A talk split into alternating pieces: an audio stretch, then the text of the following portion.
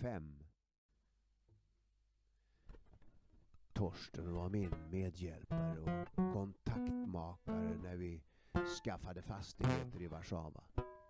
Och jag inredde en våning ovanpå den bankbyggnad där vi etablerade Bank Amerykanski vid Polske. På Krolewska 3 kunde jag leva mig in i de gamla affärerna i höjd med Sigismund. Renässansarkitekturens patron som Vasakung av Polen. Som stod staty på torget under de nordiska krigen var under fyra besynnerliga år hela staden svensk. Det var svåra nödår i Sverige och välfyllda spannmålslaster dirigerade dit från Warszawa.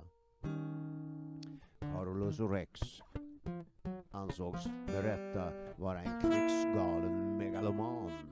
Men det han gjorde i det han jagade runt i Sachsen och Polen år efter år i Litauen var helt enkelt att han lät sin general Stenbock beslagta skördarna, slaktdjuren och silverskatterna och skicka hem till hungersnödens Sverige.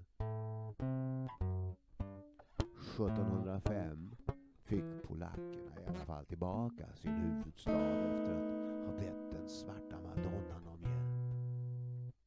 Polackerna bad henne ofta om hjälp och då och då lyssnade hon och vände på begreppen och de plågade polackerna som ständigt invaderades från alla håll. Det fanns många band uppåt Kalmar som började i vår. Jag fick rekommendationer av lillebror.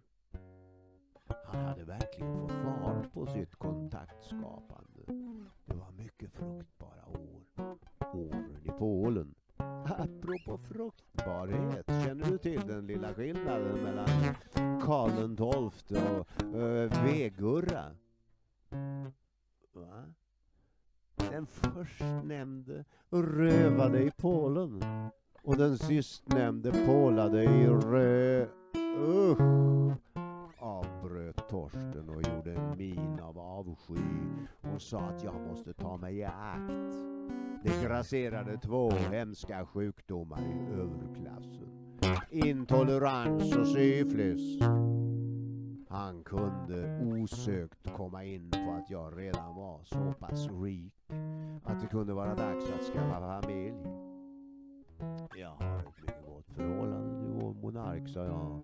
Ordlekare är ju ingenting annat än just lek.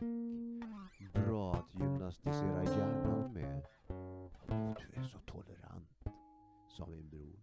Alla är inte det. Den här då?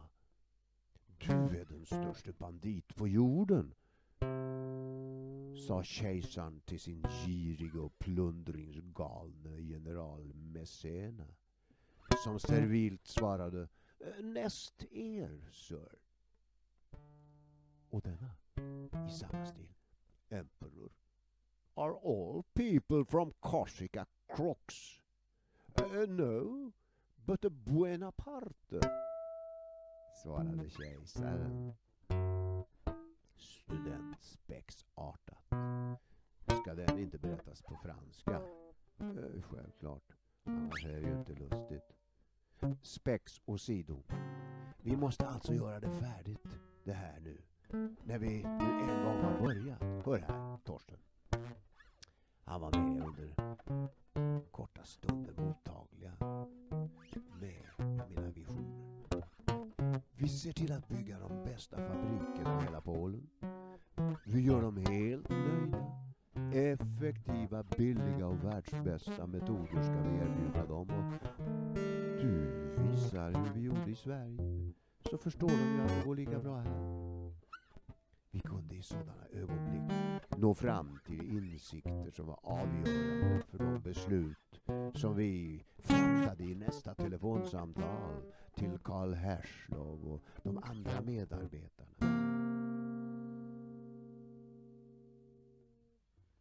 Polackerna började få hyfsade handelsförbindelser även om växlarna ännu var lite riskabla knutpunkter. Det var säkrast att kodifiera budskapen som skiftades.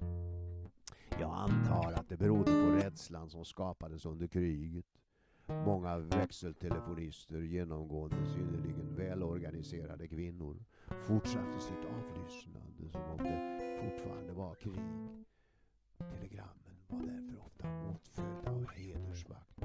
Man red fortfarande med depescher för säkerhets skull mellan de konfliktdvala med, mellan de ur konfliktdvalan uppväckta adelsfamiljerna gick det på detta vis ryttarpost och Torsten trivdes alldeles utmärkt och red omkring med invitationer till sammankomst i de polska slottsträdgårdarna.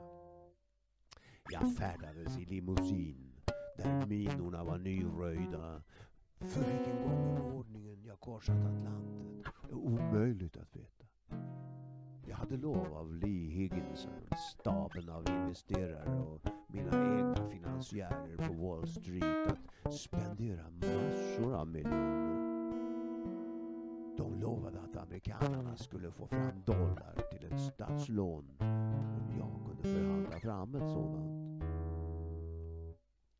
Det hade ju visat sig att Josef Pilsudskis överraskande angrepp på bolsjevikerna hade skapat ett sorts lugn.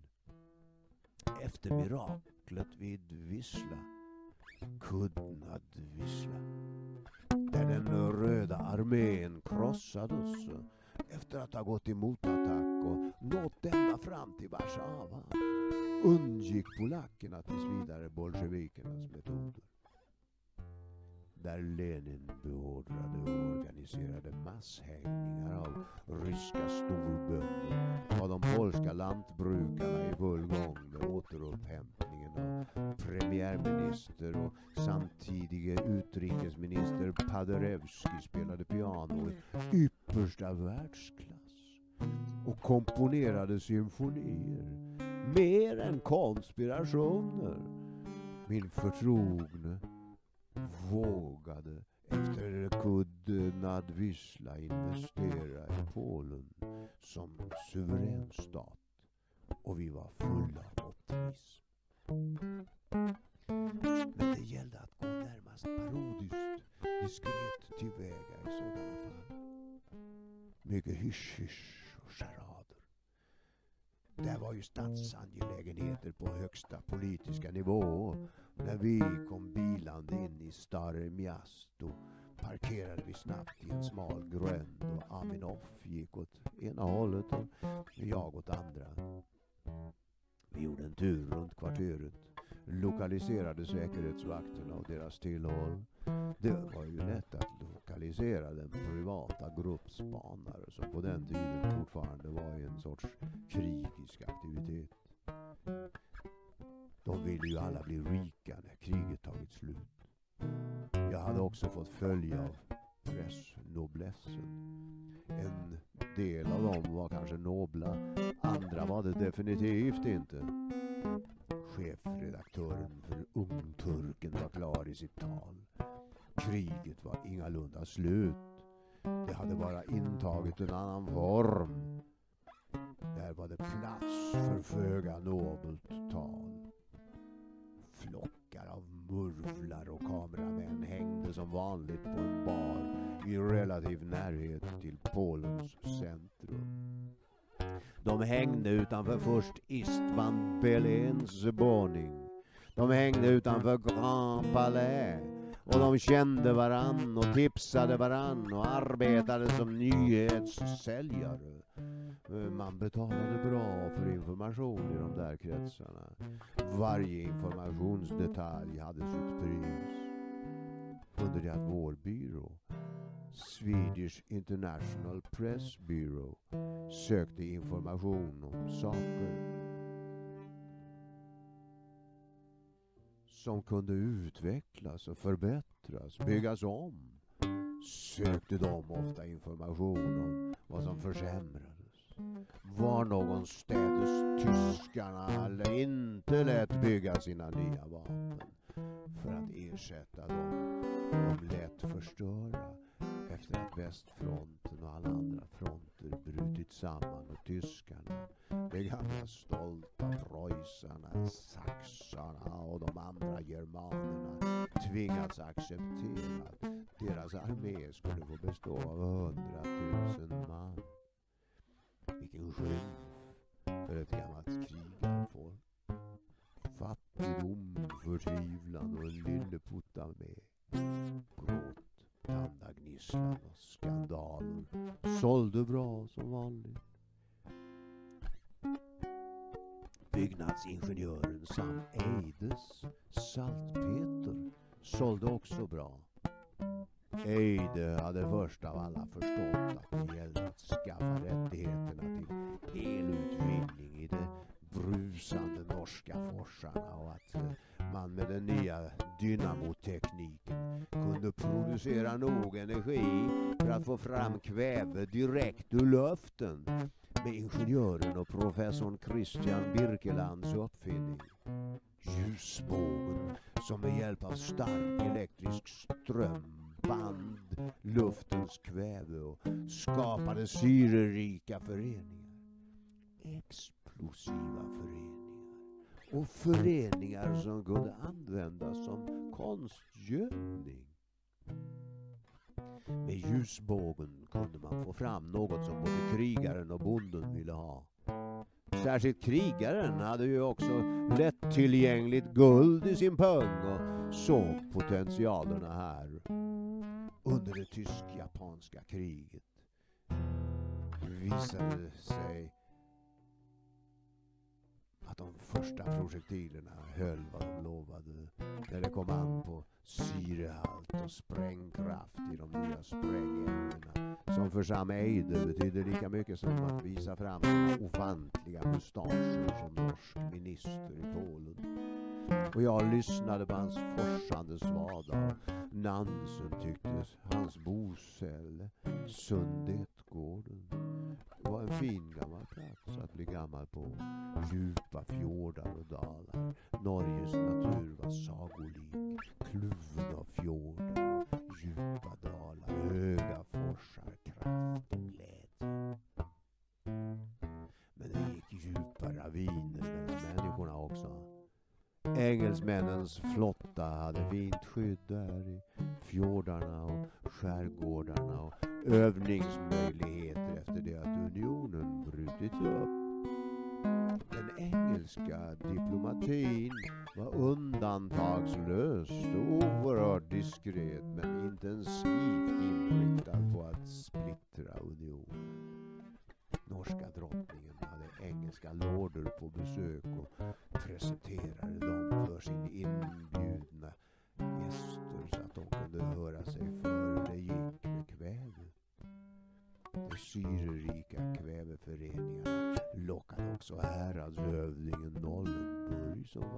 i fattningen när det gällde explosiva ting och kom med sitt kapital. Eide och Birkela kanske trodde att det var bonden de arbetade för och mänskligheten i det de visade hur man kunde ersätta den naturliga kalksaltheten som tagit slut redan på slutet av 1800-talet. Del i hungersnöden som ställvis utbröt i stora delar av världen med konstgödsel. Men det stod snart en lång rad ulvar och kikade över axeln på lorderna och häradshövdingen och undrade om det inte gick att spränga granater med detta syrerika pulver. Det gjorde det sannerligen. Och det fick fart som formligen exploderade av arbetslust. Det var någonting livsfarligt kluvet över hela denna högenergiska insats. Häradshövdingen var själva klyvaren.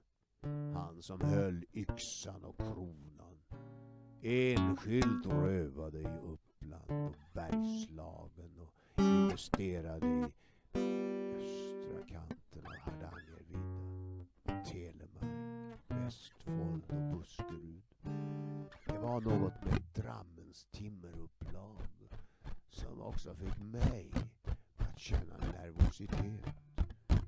Staplar av långa järnrör, misstänkt lika kanonrör och hekatombor av kvävesäckar fick Madame ha allt nu och hennes gassetter. att känna en pirrande nervositet också.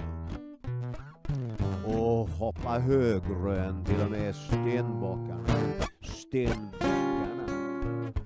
Det var herr Zimmerman. Sir Sacharov. Redaktör Sjabotinsky och fru Svoboda.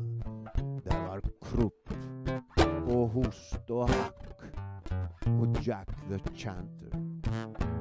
Jag kände igen dem som Superschwarzen Perkele på restaurang Caliban. Det var ett komplex av synkretister som talade ren ekonomi genom att eliminera de överintelligenta armenierna tas kontroll över oljan från Baku. Explosiverna får vi fram från Svälgfors och Morgon tar hand om leveransen av pansar. När det kom till vapenhandeln var det spendersamma agenter. De liksom upp sin marknad. Edmond och Rothschild tycktes få ungturkiska stridstuppar på gott humör genom sin spendersamma diplomati. Han läste Albert Pikes brev till Giuseppe Mazzini om hur han ordnar världsherravälde. Makedonska återfödelsen kallades klubben. De möttes på en rad orientaliska handelsmän var inbjudna till konferenser. Matthandlare och svärdslipare om varannat. I det ottomanska imperiets administratörer i Palestina uppvaktades under hela slutet av 1800-talet av Edmond som finansierade nybyggena där. Alla talade I Baku fanns ofantliga mängder som man inte talade om. Den krigarnation som kontrollerade den oljan hade drivmedel till storråd.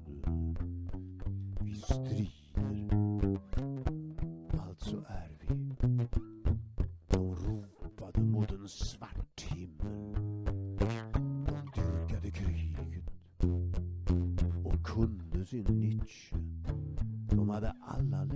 läst och Voltaire.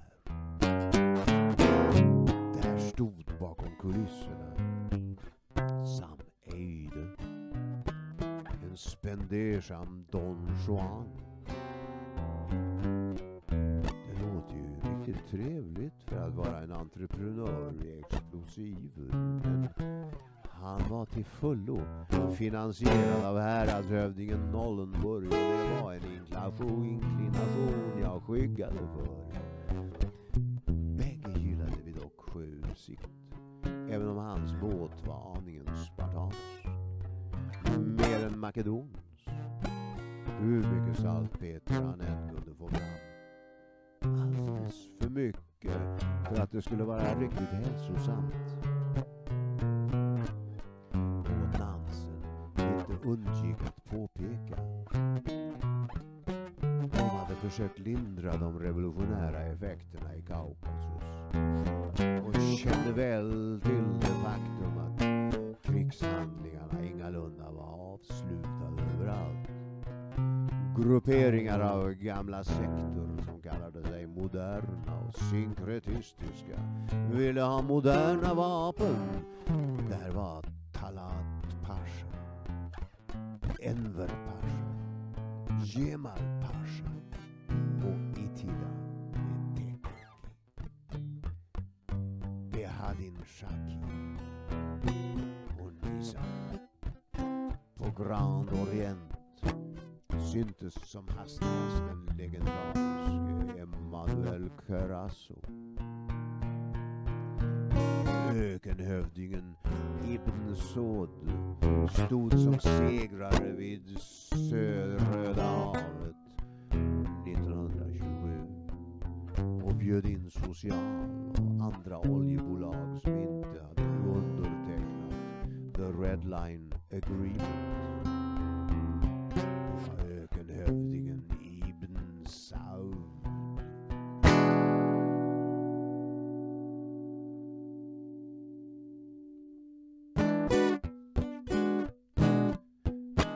Eftersom man gjort gigantiska oljefynd på många oväntade håll överenskom storbolagen med Standard Oil i spetsen att förhindra att oljan blev alltför billig genom restriktiv exploateringspolitik.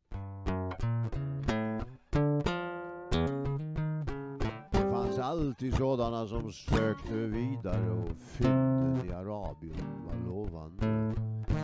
Ibn Saud var övertygad om att hans tid skulle komma. Hur motvilliga de största oljebolagen än var att öka oljereserverna. Överflödet av olja runt om i världen hade farliga effekter på priset. På Scottish Rite Masons for dynamit-Nobel, Kväveöjde och granatåsen förbi. De fick det att mullra lite varstans i världen och affärsmännen trodde att det var i deras intresse. Stackars kortsiktiga affärsmän. Alltid rädda att få piss. Alltid väljande den breda vägen. Kvävefångarna från Svälgfors kom i ett bågljus.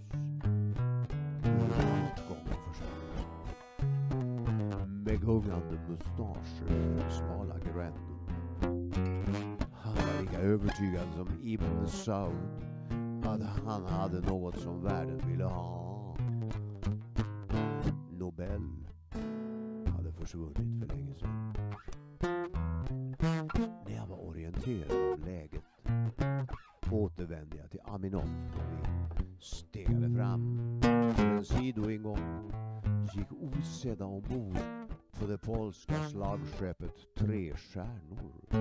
Och där inne väntade Torsten i sällskap med regeringsrepresentanterna. Några grevar, arbetarfurstar och leende kvinnor. Jag blev aningen förvånad över att se så pass många kvinnor när det gällde förhandlingar om ett statslån på över 50 miljoner dollar. De medverkade tolkar och sekreterare. Jag lärde mig snabbt att tala god polska genom att ha en ung skön dam vid min sida som talade polska lika bra som tyska, engelska och svenska. Så vi kunde föra en flytande konversation utan fåniga väntetider som är ett stelt tolksnille maskinmässigt upprepar exakt vad man sagt och missförstånden därför haglar. Min språkkunnige sekreterare de sista åren, von Drachenfels, tillhörde de maskinmässigas skara. Dessa polska sekreterare var mycket behagliga att ha med att göra. De katalyserade samtalet mer än tolkade det. Eh, jo, visst. Det polska folket förstår fördelarna med att få en ultramodern tändsticksindustri som kunde vara modellindustri för och innovativt fält såväl för skogsindustrin som för transportnäringen och gruvdriften. Vi presenterade lösningar på deras industriella problematik och föreslog investeringar i asphanteringen, i den kemiska industrin där blandningen av de olika fosfor och svavelfyra komponenterna kunde göras. Torsten behärskade allt det där perfekt. Och jag hade ju satt mig in i tändsticksmakandet i Mönsterås hos pappa. Och sedan under kriget i grunden satt mig in i hela hanteringen. När vi hade genom förhandlingarna och jag var på väg genom det vida polska jordbrukslandskapet kunde jag inte låta bli att återigen tänka på krigsåren och hur illa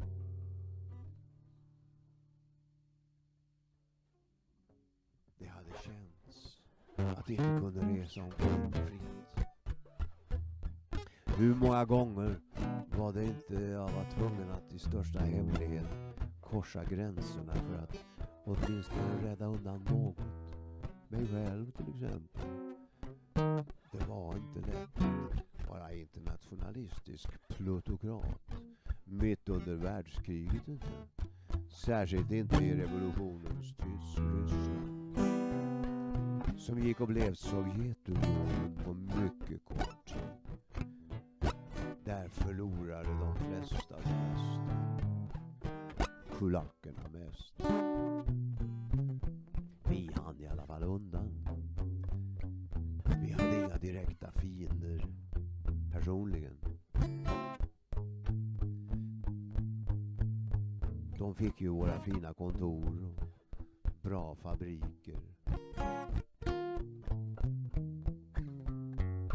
Fungerande omständigheter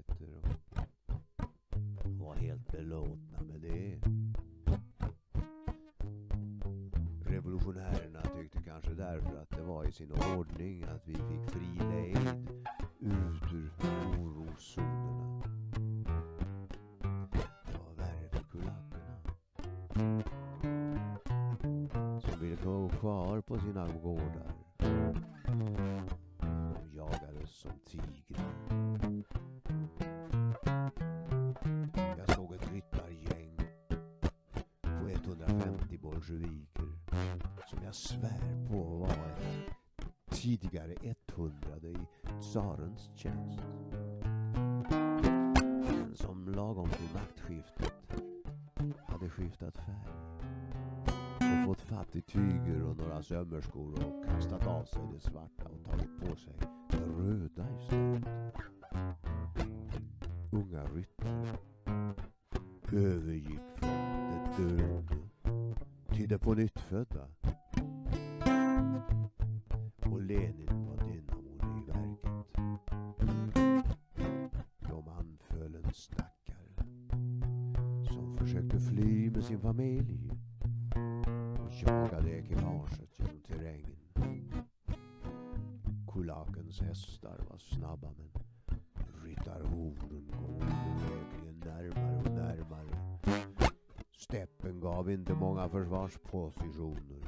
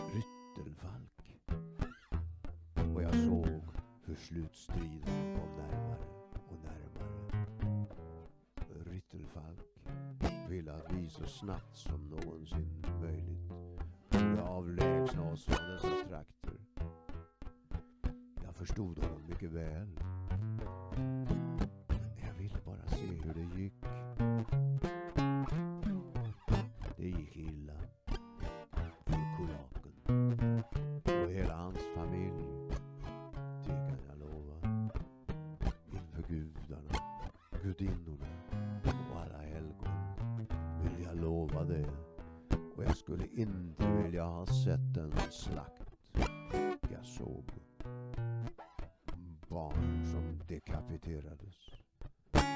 Åldringar som lemlästades. Förbannade rattmätare kikare på dess skärpa och försökte bränna bort minnet av de ohyggliga synerna.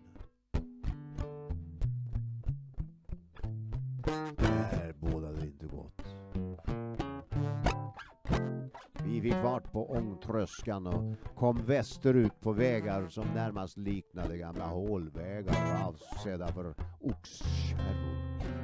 turligt nog för oss hade världskrigstrafiken plattat till allting och breddat avsevärt.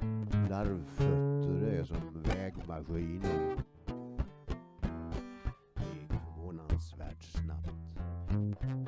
Och vi hann innan det var för sent och informerade alla på konsulatet, inklusive pappa som var där. Vi tog första bästa skepp över Västersjön.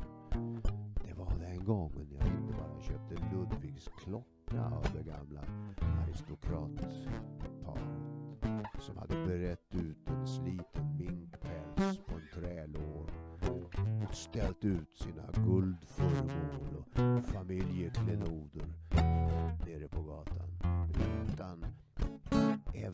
även med silversvepning.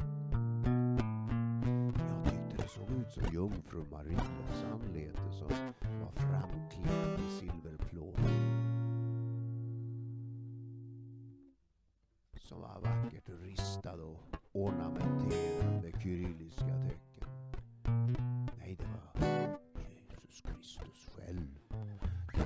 De bad mig att bära ut ikonen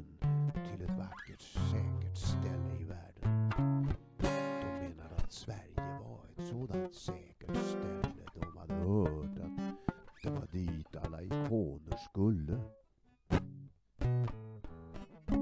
Det var en mycket kär klenod och många släktled ända sedan Peter den stores tid hade bönhörts inför dess bild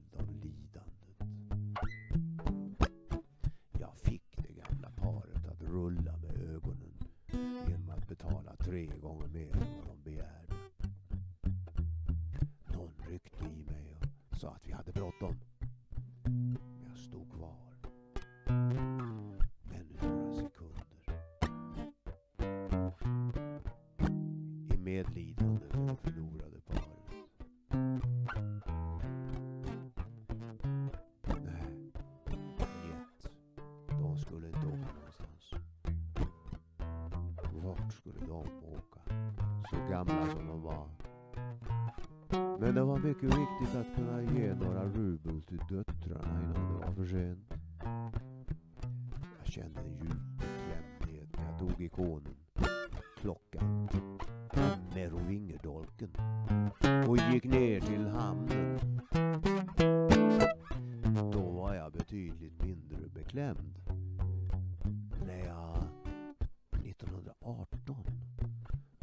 Handlade dollar till en kurs på två svenska kronor och 60 svenska öre i den fasta övertygelsen att dollarn måste stiga under de omständigheter som eh, rådde efter krigsslutet. Jag utvecklade garantier från både svenska och amerikanska bankirer och det var som om en spännande fars. Jag speciellt kunde inte direkt pressas hur som helst.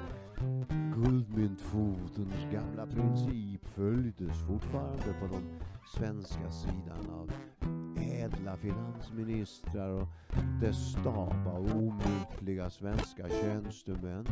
Till trots att nordmän, norrmännen sedan redan lämnat den guldmyntfoten. Eller kanske just därför. Jag köpte 10 miljoner dollar kurs. Och de kom som jag hade väntat mig. Och det blev till och med mer än jag trott. Där den norska ekonomin sedan kollapsade nästan lika totalt som den tyska kunde den svenska ekonomin hållas igång och istället expandera. Tändstickan var den hävstång på vilken jag hävde mig till börskunskap, kännedom om den internationella värdepappershanteringen, STAB och IMCO, International Match Company, blev sedan själva motorn i expansionen. Vi lyckades hålla det sedan många år. Vi lyckades hålla det sedan många år ytterst spridda tändstickskonglomeratet samman genom hela kriget. Och det kan ju ha berott på att alla de svenska tidigare konkurrenterna fattade besluten. Jag fattade besluten. Och de fattade hur att agera. Och tyst diplomati. Vi lyckades göra något av att svensk tändsticksindustri var spridd över hela världen och hade gott rykte. Vi fick allt att fungera på sparlåga under vissa tider under kriget och lät samtidigt namnet Krygeren 12 associeras med succé. År efter år höll vi skutan flytande och gav vinster till alla. De flesta småägare var svenska familjer som sparade sina pengar i trusten. De köpte våra debentures tidigt.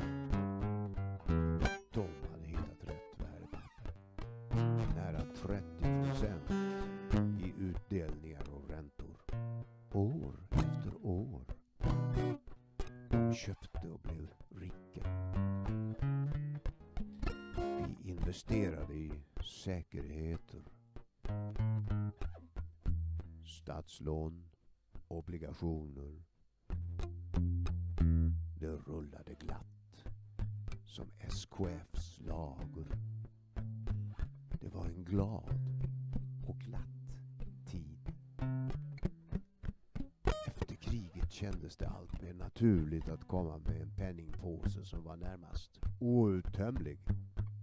Till såväl polacker som ungrarna. De gick in på att ge oss tändsticksmonopolet och en eh, hel del andra monopol. Monopol på varor och tjänster. Gruvkoncessioner. Mm. Efterhand telekoncessioner. Polackerna var klara över att det vi erbjöd var mycket gagneligt för deras industriella återuppbyggnad. De menade i själva verket att våra erbjudanden i det närmaste kompenserade allt det svenska härförare genom historien ödelagt och rövat i landet. Och förlät därmed oss svenskar. Torsten sken ikapp med polackerna vid banketten där Ignacy Jan Paderewski spelade sin senaste sonat. Och jag bad blygt att få skynda mig vidare. Det var ju betydligt bättre att resa sovvagn med Isabelle än att dras in i sittningar med pompösa tal i oändlösa rader. Jag utnyttjade min blyghet därvidlag för att inte slitas ut. Det var inte det att jag ogillade Paderewskis musik, men jag hade inte tid för den. Aminoff och jag for till Paris. Och det kändes att vi hade kommit på metoden. Om detta polska lån återbetalades enligt överenskommelserna och allting fungerade skulle det vara ännu lättare att finansiera Frankrike. I de ärenden jag nu engagerade mig gällde det om möjligt ännu mer diskretion än tidigare. Det hade dykt upp en del mycket lyhörda representanter eh, som skickade sina reporter genom rymden. Reportrarna. Och de moderna kortvågssändarna som utvecklades under kriget anpassades snabbt till civilt bruk. Och det gällde att akta sig för att få sina mellanhavanden avslöjade i förtid på ingen tid alls egentligen då det var frågan om ljushastigheten på radiovågorna delar av världen vid sina radioapparater få reda på vad man hade för sig. Det var både fördelar men också risker. Handlingen påverkade börserna redan innan den var utförd. Det gällde därför att se till att avtal och alla formalia var fullkomligt i ordning innan man släppte in mikrofonerna eller stenograferna. Det som skrevs i en tidning lästes upp i radion på andra sidan jordklotet. Nyheterna spreds raskare än någonsin förr. Alla behövde jag inte undvika. Många tidningar, särskilt kanske de som innehades av George Booth i New Detroit, François Coty i Frankrike, i Paris.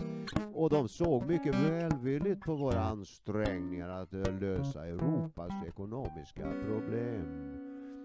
Om någon hade sinne för det upphöjda var det publicisten Booth som byggde sitt livsverk, skolorna vid Cranbrook, tillsammans med arkitekten Eliel Saarinen, inspirerad av filosofen John Ruskin och hans uppfin uppfattning att det existerar en direkt kontakt mellan konst, natur och moral. En god moralisk konst var naturen uttryckt via människan. Om någon hade näsa för fredstankar var det Coty.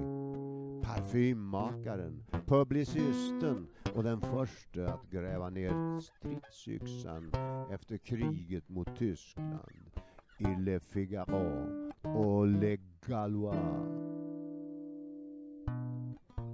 Det var ju så att fransmännen trots krigsskadeståndet från Tyskland knappt klarade av sina räntor till Morgantrosten och de lån de hade där. Hela ekonomin stod och vägde och det ryktades om att franken skulle kunna sjunka genom golvet den också. Likt marken.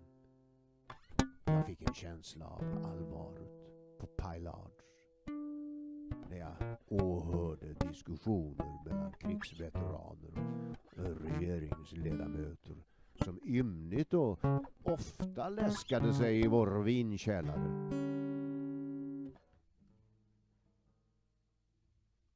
Krigsveteranerna frågade om de franska kapitalägarna också skulle lämna landet om de inte gjordes, om inte något gjordes åt situationen. Det var eldfängt värre och hela Ile-de-France var upptänt med facklor och stämning rådde av het bourgogne. Fackelskenet glödde och glittrade i Sänens vatten. Förbi med och höll upp årorna och de frågade vem som var chef. Vi har ingen chef, svarade löjtnant Aminoff och sa att alla svenskar är chefer. Åtminstone i den här koncernen. Jag vet inte om han själv visste vad han sa. Han hade njutit åtskilligt glas vin. Jag var ganska glad jag också hade Isabelle som satt alldeles intill med den mest förtjusande sekreterare man kan tänka sig. Och hon ville ha diktamen. Hela natten sa hon och det kunde hon ju få. När hon stenograferade skrev hon flera minuter efter det att man hade dikterat klart. Det var exakt ordagrant vad man hade sagt också och inte någon tolkning. Dessutom fick hon mig att tänka på bysantinska moden. Varför hade jag inte anställt några kvinnliga chefer? Jo, jag hade ju gjort det vid närmare eftertanke. Det var ju de som bestämde på kontoren. De visste mest och var snabbast så snart de släpptes in i chefsrummen. Formellt var de bara sekreterare eller sjuksköterskor. Här på avdelningen gör vi som syster Nightingale tycker. Eh, doktor Wissenbest. Många chefer fick rysningar när det kom eh, vassa mödragestalter in i rummet och de knöt sig inom sitt skal och de släppte inte in henne. Ja, de vågade nog inte. De hade väl järnhårda mödrar där hemma. Mödrar som satt kupor över dem. Mödrar som kursat och bannat och styrt. Vad vet jag? Det verkar inte klokt i alla fall. Något måste vara fel. Krigsveteranerna var heller inte särskilt upplagda för sköna damer och fäste inget avseende vid oss utan naglade fast politikerna med sina frågor. Man refererade till Maurice Jolys eh, dialog Au enfer entre Montesquieu et Machiavel och det var kärvhet i vokabulären. Min lilla söta sekreterare såg inte ut att lyssna men hon var som en maskin och hörde minsann allt. Vi pratade hela natten sedan när vi hade kommit hem om vad hon hade hört och vad jag hörde. Hon sa att det var skrämmande. Jag förstod vad hon menade. Tog på mig morgonrocken och tände en cigarett. Gick till bokhyllan. Jag bläddrade i Jacob Wendys bok från 1850. Med tiden titeln Machiavel, Montesquieu, Rousseau. Jag kände hur nackhåren reste sig när trialogen tog fart mellan dessa giganter. Och de outtalade konflikterna mellan de olika civilisationerna kläddes i ord. Jag tog fram Napoleons dagbok. La den på bordet. Jag bläddrade här och där i böcker om honom. Han fattade ofta riktiga beslut. Varje dag. Handlingskraftig och aktiv. Ända in i sin sista exil härskar över Europa hade han dessutom en osviklig timing över sina beslut. Ett riktigt beslut i fel tid kunde vara lika illa som ett felaktigt beslut. När marknaden öppnade sig för en ny produkt gällde det att vara klar med besluten. En militär operation lyckades bäst de första gick till attack när fienden allra minst anade det. I krig och fred. Tidsanpassningen. The timing som Wellington talade om. När är tiden mogen för framtiden? Sedan länge litade jag på min intuition i dessa sammanhang. Jag lät myriaden av småfakta blanda sig fritt. Och så försökte jag tänka i de allra största banorna och låta detaljerna lägga sig till rätta i de stora och långsiktiga tankarnas fältlinjer. Det där kan jag bara göra i fredliga, linjanska avsikter. Tog fram kulramen och gjorde kalkyler på behovet av elenergi. Industristäderna i det inre av Europa låg ofta vid någon fors. Industrin hade börjat vid vattenfall. Och för att få större och större vattenhjul att snurra måste man in i oländig terräng och därstädes placera generatorerna och med ledningar kunde man transportera energin dit där industrierna hade bästa läget, nära till hamn.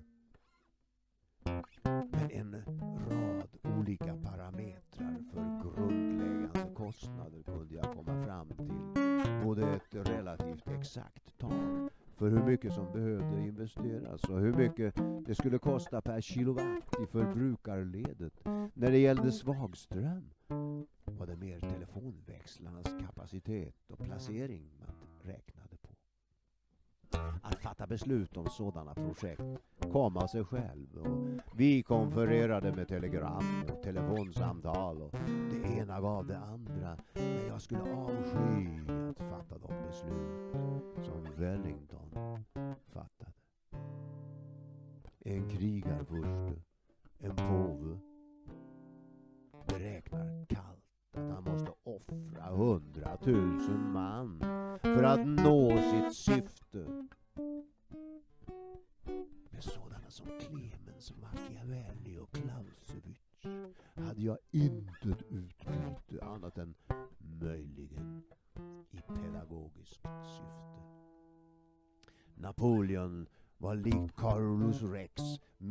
gestalt att se upp med vid ett oväntat besök eller möte än att beundra.